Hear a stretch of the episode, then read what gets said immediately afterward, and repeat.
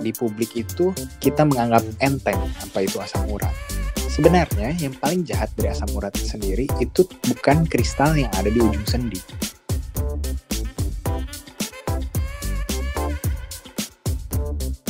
Nah, tetapi dari yang tadi disebutkan itu ada satu yang tidak termasuk sebetulnya uh, asam urat tinggi, yaitu durian.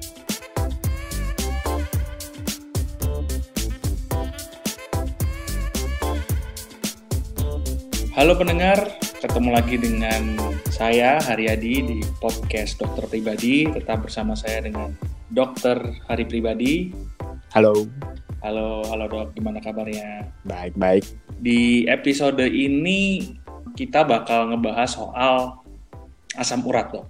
Asam urat ini kan sering banget ya, sering banget kita dengar um, sakit yang umum, orang banyak yang sering kena lah. Nah sebenarnya kalau menurut pemahaman saya nih, saya tuh selalu mengkonotasikan yang namanya nyeri sendi.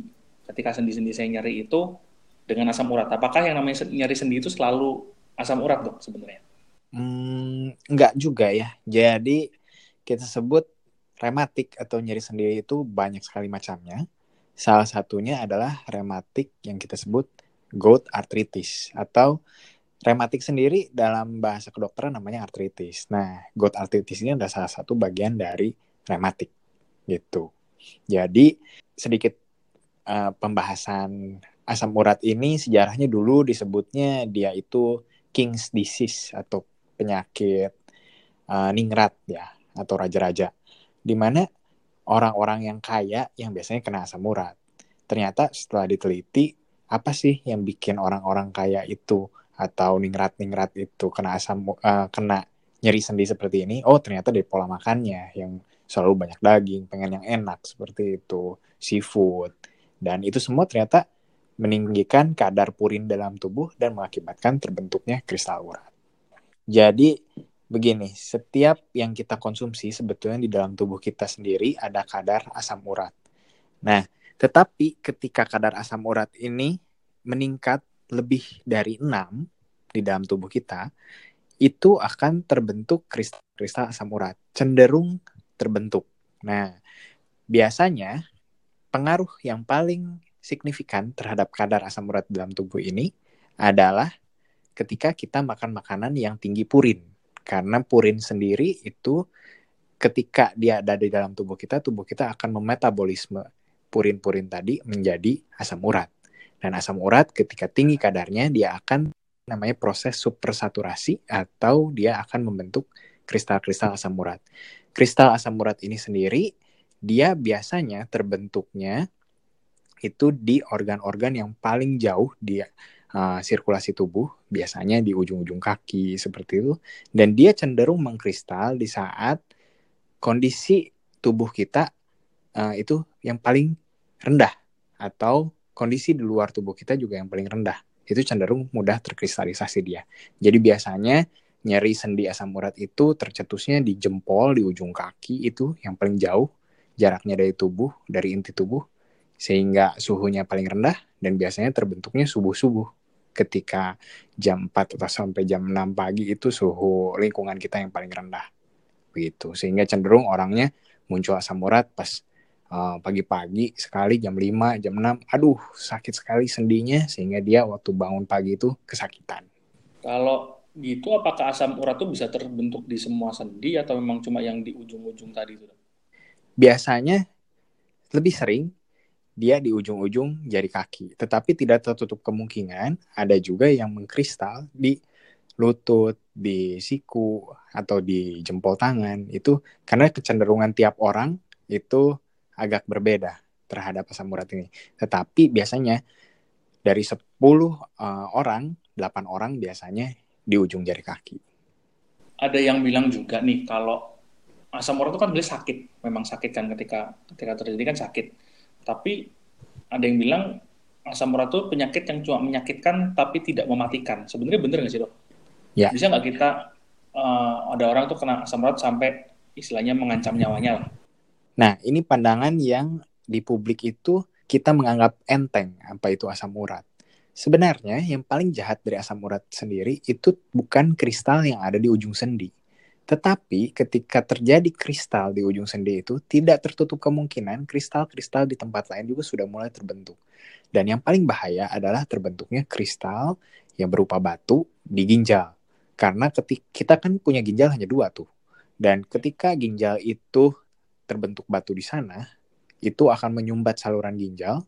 Istilahnya, kita tidak bisa membuang toksin-toksin dalam tubuh kita yang dalam biasanya kita keluarkan lewat air kemih atau urin, itu dia akan reflux atau balik lagi ke dalam sirkulasi tubuh kita sehingga akhirnya fungsi ginjal terganggu jatuhnya ke dalam gagal ginjal. Dan ketika sudah orang dalam gagal ginjal, itu kadar ureum sebagai toksin dalam tubuh kita ini akan semakin meningkat.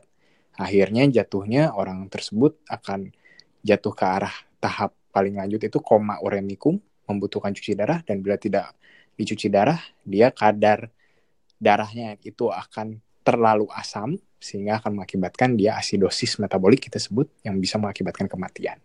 Oh, bisa sampai segitunya ya ternyata ya kalau tidak tidak ditangani ya. Iya. Nah, kalau asam urat ini kan biasanya yang sering jadi kambing hitamnya itu kan makanan. Durian lah, kacang-kacangan, udang, seafood, bahkan ada yang ngomong sampai minum minum minuman bersoda dan minum bir itu sampai mengakibatkan memang meningkatkan asam urat. Sebetulnya seberapa besar faktor makanan ini berpengaruh pada kenaikan asam urat di dalam tubuh kita?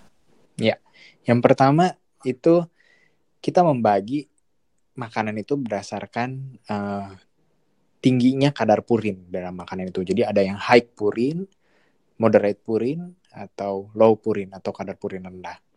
Nah, tetapi dari yang tadi disebutkan itu ada satu yang tidak termasuk sebetulnya uh, asam urat tinggi, yaitu durian. Durian sendiri itu adalah makanan yang dia sebenarnya tidak mengandung purin karena dia itu banyaknya justru mengandung fruktosa. Nah, tapi ketika orang memakan fruktosa berlebihan, dia itu akan mencetuskan kadar asam uratnya tersebut, metabolismenya di dalam tubuh akan semakin tinggi sehingga akan mencetuskan asam urat. Jadi dia sebagai faktor pencetus sama seperti orang dengan diabetes.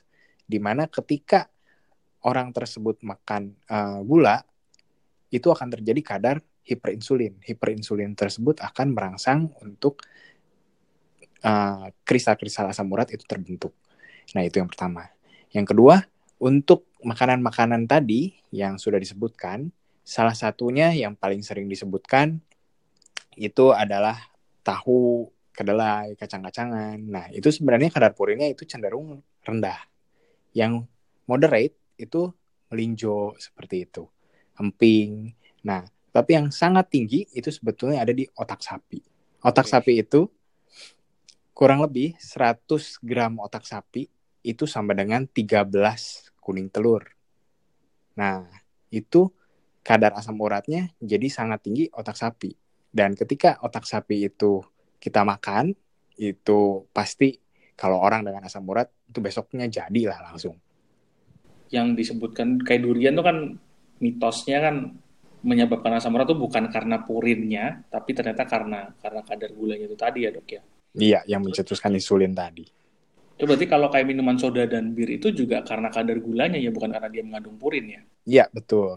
Jadi minuman bersoda itu mengandung gula yang sangat tinggi presentasinya, sehingga sama nanti akan mencetuskan hiperinsulin di dalam tubuh kita dan mencetuskan presipitasi atau terbentuknya asam urat yang dalam bentuk kristal. Nyambung sama makanan nih dok, ini ada juga yang ceritanya orang yang punya asam urat, dia udah mengatur nih makanannya, dia menghindari durian, menghindari kacang-kacangan, menghindari seafood, tapi kok masih sering kambuh. Sebenarnya apa yang terjadi tuh dok?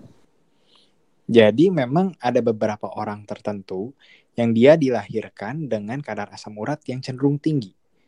Nah, Orang yang seperti ini, tadi seperti sudah dikatakan sebelumnya bahwa ketika kadar asam urat itu di atas 6, ditambah dengan sedikit saja makanan yang dari luar sehingga menghasilkan kadar purin yang lebih tinggi, itu dia akan mencetuskan terbentuknya kristal asam urat. Jadi orang-orang yang seperti ini biasanya dia ada di stadium hiperurisemia asimptomatik awalnya atau kita sebut kadar asam urat yang tinggi tetapi tidak bergejala. Nah, biasanya orang-orang seperti ini harus kita deteksi asam uratnya di dalam tubuhnya dan kita tekan supaya asam uratnya tidak melebihi angka 6 begitu. Karena studi menunjukkan kalau misalnya sampai kadar asam urat itu di atas 11 atau 13, itu cenderung 90% sudah terbentuk kristal-kristal asam urat selain di ujung-ujung sendi, bisa juga di ginjal. Dan itu yang berbahaya. Berarti kalau orang-orang yang secara, bisa dikatakan tadi secara genetik ya dok ya, secara natural dia kandungan asam uratnya itu tinggi, berarti dia harus apa ini, mengkonsumsi obat-obatan atau gimana? Iya, jadi obat untuk asam urat itu ada dua sebetulnya. Dia yang menekan produksi purin, karena purin sendiri ini selalu konstan dihasilkan uh, di dalam tubuh kita atau asam urat tadi ya. Karena dia itu salah satu misalnya sel-sel tubuh kita ini tiap hari dia akan turnover atau ada yang mati. Nah, dia akan berubah salah satu produk sampingan metabolitnya adalah asam urat. Nah, orang-orang yang seperti ini kita tekan produksinya dengan cara kita memakan obat yang disebut allopurinol. Ada juga beberapa orang yang cenderung dia under sekresi atau under ekskresi kita sebut ya. Under ekskresi itu dia pengeluaran di dalam tubuhnya yang rendah karena di ginjalnya dia dibuangnya tidak terlalu banyak. Nah, orang-orang seperti ini kita kasih obat yang kita sebut probenesid. Nah, untuk orang Asia sendiri biasanya penyebab tersering dari asam urat itu adalah overproduksi atau pabriknya tadi yang lebih cenderung tinggi. Oh, jadi kalau allopurinol itu malah sebenarnya menekan produksi asam urat. Nah, padahal yang saya tahu nih, orang itu biasanya mengkonsumsi allopurinol itu waktu benar-benar jadi nih. Jadi kayak waktu udah benar-benar sakit, udah benar-benar kerasa sakitnya itu baru dia mengkonsumsi allopurinol ini bener apa enggak nih kalau gitu? sebetulnya kalau di kedokteran itu hati-hati mengkonsumsi allopurinol saat terjadi gout attack atau serangan asam urat. Nah, karena ketika allopurinol itu dikonsumsi ketika lagi sakit-sakitnya nih, itu akan namanya terjadi kristal shedding atau kristal-kristal yang sudah terbentuk di ujung sendi itu yang dia mengakibatkan radang itu perlahan dia shedding atau mencair kembali, tetapi dia bisa terjadi kristal di tempat lain dan itu mencetuskan lebih nyeri lagi. Karena itu biasanya ketika terjadi serangan asam urat, kita biasanya uh, tidak memakai allopurinol tadi, tetapi kita memberikan anti radang yang khusus untuk asam urat yang namanya kita sebut kolkisin. Ketika sudah tenang, baru kita berikan allopurinol untuk menekan uh, asam uratnya tadi. Nah, ada juga nih orang-orang yang selain menggunakan pengobatan dengan allopurinol, ada juga yang menawarkan pengobatan herbal yang bisa menghilangkan asam urat. Sebenarnya kalau secara medis itu memang ada ya dok, maksudnya tanaman atau apa pun yang secara herbal ini terbukti memang bisa mengobati asam urat. Iya, beberapa penelitian memang sudah dilakukan tentang tanaman herbal dan lain-lain. Tetapi sampai saat ini diet rendah purin lah yang paling dominan untuk menekan kadar asam urat. Tetapi ada satu uh, penelitian yang menyebutkan bahwa jus cherry atau buah cherry itu akan bisa menurunkan kadar asam urat dalam tubuh. Jadi kalau disebut herbal apa yang bisa dikonsumsi untuk menekan asam urat, saya merekomendasikan buah cherry. Kayaknya buah cherry susah juga ya kita iya. di Indonesia. tidak populer ya. Sangat tidak populer, nggak tumbuh juga kayaknya di tempat kita dok. Oke, nah kalau gitu terakhir nih dok, saran dari dokter apa sih diet atau pola hidup bagaimana seperti apa yang disarankan supaya kadar asam urat kita selalu terkontrol? Ya, yang pertama itu untuk orang yang cenderung dia punya kadar asam urat tinggi seperti di keluarganya dari riwayat asam urat itu sebaiknya dimulai usia 30 tahun itu dia cek kadar asam uratnya. Dan bila ketahuan sudah tinggi, hindarilah diet yang kadar purin tinggi seperti tadi sudah disebutkan yaitu salah satunya jeruan terutama otak sapi, liver atau hati, ginjal, kemudian daging merah, Kemudian seafood, seafood itu yang paling tinggi itu uh, bisa di kepiting, kemudian udang, kerang. Nah, melinjo juga termasuk itu harus hati-hati. Kemudian uh, minuman-minuman tadi yang bersoda, yang kadar glukosa atau fruktosa yang terlalu tinggi itu kita sebaiknya agak membatasi.